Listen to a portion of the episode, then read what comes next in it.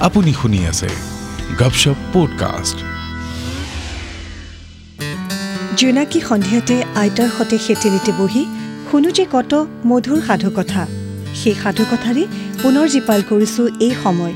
বিশিষ্ট লেখিকা প্ৰয়াত অৰুন্ধতী দত্তৰ পৰিৱেশনাত বুঢ়ী আইৰ সাধু অকণিহঁত এয়া তোমালোকৰ সন্মুখত মই অৰুন্ধতী জেঠাই। আনিছোঁ ঢেৰ সাধু জুলুঙাত ভৰাই। কোন ক'ত আছা? আহা লৰি লৰি। সাধুৰ মালিতা শুনা কাণ পাতি। অকণিহঁত আজি মই তোমালোকক যিটো সাধু ক'বলৈ ওলাইছোঁ সেইটো সাধু বুঢ়ীয়াৰ সাধু নামৰ কিতাপখনৰ পৰা লৈছোঁ। বুজিছা? বুঢ়ীয়াৰ সাধু লিখিছিল সাহিত্যৰথী লক্ষ্মীনাথ বেজবৰুৱাই। তেখেত অসমীয়া আধুনিক সাহিত্যৰ বাটকটীয়াসকলৰ মাজৰ অৰ্থাৎ পথ দেখুওৱাসকলৰ মাজৰ এজন উল্লেখযোগ্য ব্যক্তি আছিল। তেওঁ লিখা সাধু ৰচনা প্ৰবন্ধ আদিত ভৰপূৰ হাস্যৰস থকাৰ বাবে তেওঁক ৰসৰাজ বুলিও কোৱা হৈছিল। বাৰু এতিয়া শুনা হওক ৰসৰাজ বেজবৰুৱাই অকণিহঁতলৈ লিখা এই সাধুটো। সাধুটোৰ নাম বুঢ়া বুঢ়ী আৰু শিয়াল। বহু দিনৰ আগেয়ে এখন গাঁৱত এহাল বুঢ়া বুঢ়ী আছিল। জীয়েকক বিয়া দিয়াৰ পাছৰে পৰা তেওঁলোক দুয়ো অকলেই থাকে। বুঢ়া মানুহজনৰ বয়স হৈছে যদিও বাৰীত কাম বন কৰি থকাৰ জোখাৰে গাত বল থকাৰ বাবে তেওঁ ইটো সিটো কাম কৰি থাকে। বুজিছা? এদিন কি হ'ল জানা? বুঢ়াই কচু অলপ আনি বাৰীত ৰুই আছিল। কেইটামান শিয়ালে তাকে দেখি কাষ চাপি আহি বুঢ়াক মাত লগালে। ককা আপুনি যে কচুবোৰ ৰুইছে ৰোৱাৰ আগে সিজাই লৈছেনে নাই? বুঢ়াই উত্তৰত ক'লে মই কেঁচাইহে ৰুইছোঁ বোপাহঁত। সিজাই লোৱা নাই নহয়? শিয়ালবোৰে ক'লে এ ককা আপুনি কচু ৰুব জনা নাই নহয়। কচুবোৰ আগে সিজাই লওক। তাৰ পাছত কচুবোৰ একোটা গাঁতত ৰুই প্ৰতিটো গাঁতৰ ওপৰত একোখিলা পাত দি ঢাকি থ'ব। দেখিব ৰাতিটোৰ ভিতৰতে একো একোজোপা ডাঙৰ ডাঙৰ কচু গছ হৈ আছে। সিহঁতৰ কথা শুনি বুঢ়াই ক'লে বাৰু মোৰ বোপাহঁত মই বাৰু তহঁতৰ কথামতেই আজি কচু ৰুম। গধূলি বুঢ়াই আটাইবোৰ কচু সিজাই শিয়ালৰ বুদ্ধিমতেই ৰুই থলে। ৰাতি শিয়ালবোৰে আহি মহা আনন্দেৰে সিজোৱা কচুবোৰ খাই ফূৰ্তি কৰি গুচি গ'ল। পাছদিনা ৰাতিপুৱাই বাৰীত ডাঙৰ ডাঙৰ কচু গছ চাবলৈ গৈ বুঢ়াই দেখে কচু দেখোন এটাও নাই। শিয়ালৰ ফাঁকিটো বুজিব পাৰি লাজে দুখে বুঢ়া তলমূৰকৈ বহি থাকিল আৰু শিয়ালবোৰক ভালদৰে এসেকানো কিদৰে দিয়া যায় তাকে চিন্তা কৰিবলৈ ধৰিলে। দুদিনমানৰ পাছত বুঢ়াৰ মনত এটা বুদ্ধি খেলালে। ৰ'বা ৰ'বা প্ৰথমে তোমালোকক এটা কথা সোধোঁ। শিয়ালবোৰে যে কচু ৰোৱা গাঁতবোৰ একোখিলাকৈ পাতেৰে ঢাকি থ'বলৈ কৈছিল কিয় কৈছিল? ধৰিব পাৰিছানে নাই? কিয় জানা? ৰাতি সিজোৱা কচু খাবলৈ আহি যাতে গাঁতবোৰ বিচাৰি হাবাথুৰি খাব নালাগে আৰু পাতবোৰ গুচাই সহজতে খাব পাৰে সেইকাৰণে। কিমান টেঙৰ দেখিছা? এতিয়া শুনা বুঢ়াৰ বুদ্ধিটোৰ কথা। বুঢ়াই বুঢ়ীক ক'লে বুঢ়ী মই আজি বিচনাতে মৰাৰ ভাও ধৰি শুই থাকিম। তই মোৰ গাত লালি গুৰ ঢালি থবি। গুৰৰ গোন্ধ পাই যেতিয়া জাকে জাকে মাখি আহি মোৰ গাত পৰিব তেতিয়াই তই ইনাই বিনাই বুঢ়া মৰিল বুলি কান্দিবি। তোৰ কান্দোন শুনি শিয়ালবোৰে যেতিয়া ওচৰ চাপি আহি কি হৈছে বুলি তোক সুধিব তেতিয়া তই সিহঁতক বুঢ়া মৰিল বুলি কৈ মোৰ শটো বাহিৰলৈ উলিয়াই লৈ গৈ সিহঁতক খাবলৈ কবি। অকণিহঁত বুঢ়াই তাৰ পাছত বুঢ়ীয়েনো আৰু কি কি কৰিব লাগিব? সেই আটাইখিনি কথা বুঢ়ীক ভালদৰে ভাঙি পাতি বুজাই ক'লে।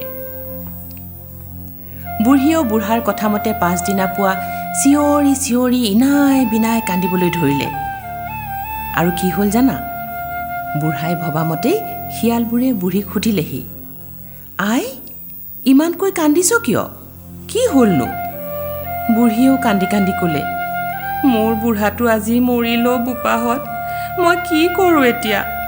বুঢ়াই মোক অকলে এৰি থৈ গ'ল বুঢ়াকনো এতিয়া কোনে শ্মশানলৈ নিব? অ' বোপাহঁত তহঁতেই নহ'লে শটো বাহিৰলৈ নি খাগৈ। অকণিহঁত তোমালোকেতো বুজি পাইছাই। বুঢ়ীৰ কথা শুনি শিয়ালবোৰৰ কিমান আনন্দ লাগিল। বুঢ়াৰ শটোৰে মহাভোজ হ'ব বুলি ৰং মনেৰে সিহঁত আটাইবোৰ কোঠাৰ ভিতৰ সোমালগৈ।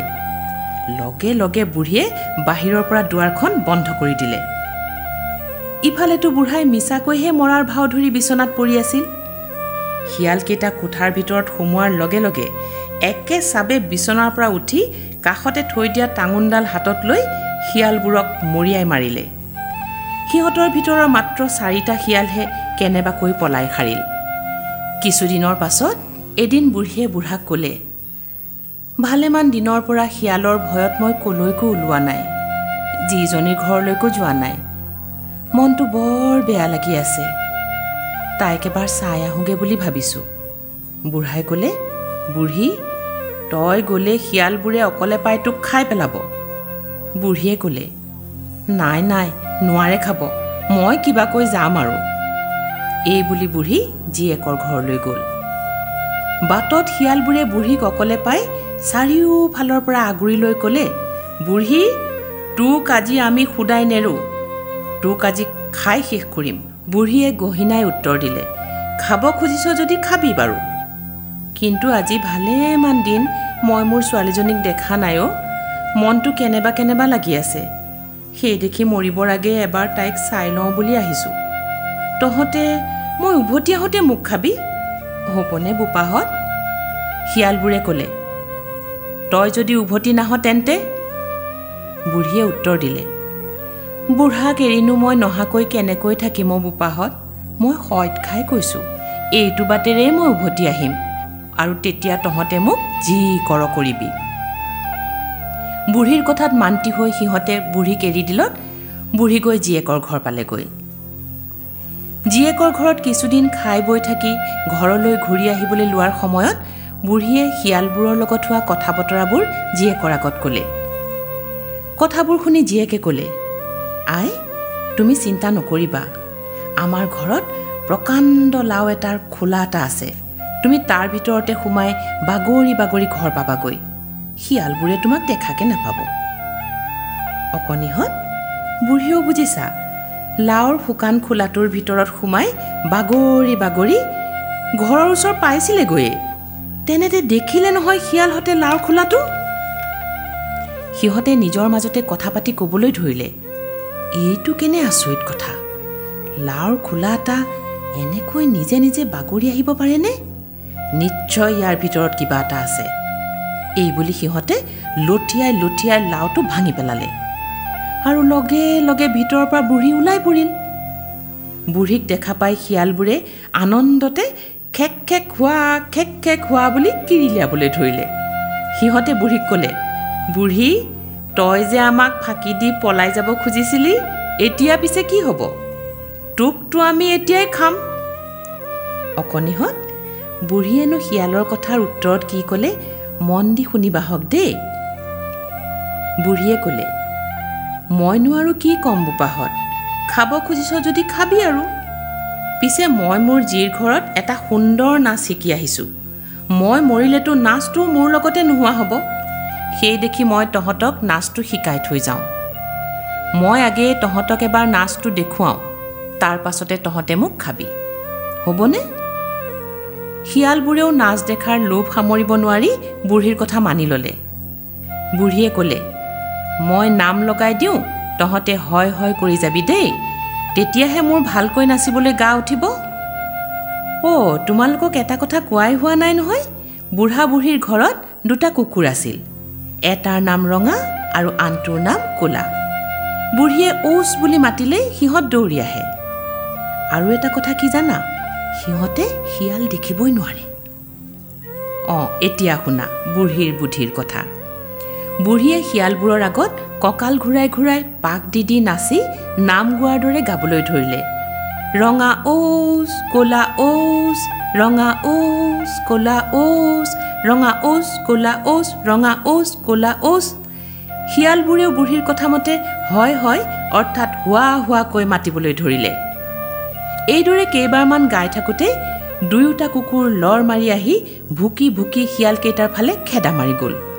কুকুৰ দুটা দেখাৰ লগে লগে আটাইকেইটা শিয়াল পিয়াপি দি পলাল আৰু বুঢ়ীয়েও খৰধৰকৈ ঘৰৰ ভিতৰলৈ সোমাই গ'ল। আমাৰো কাপোৰ কানি ক'লা হ'ল আৰু আমিও গুচি আহিলোঁ। আপুনি শুনি আছে গপশপ পডকাষ্ট এনেদৰেই শুনিবলৈ পাব গাপশপ পডকাষ্টত ভিন্ন ৰুচিৰ সমাহাৰৰ ভিন্ন অনুষ্ঠান।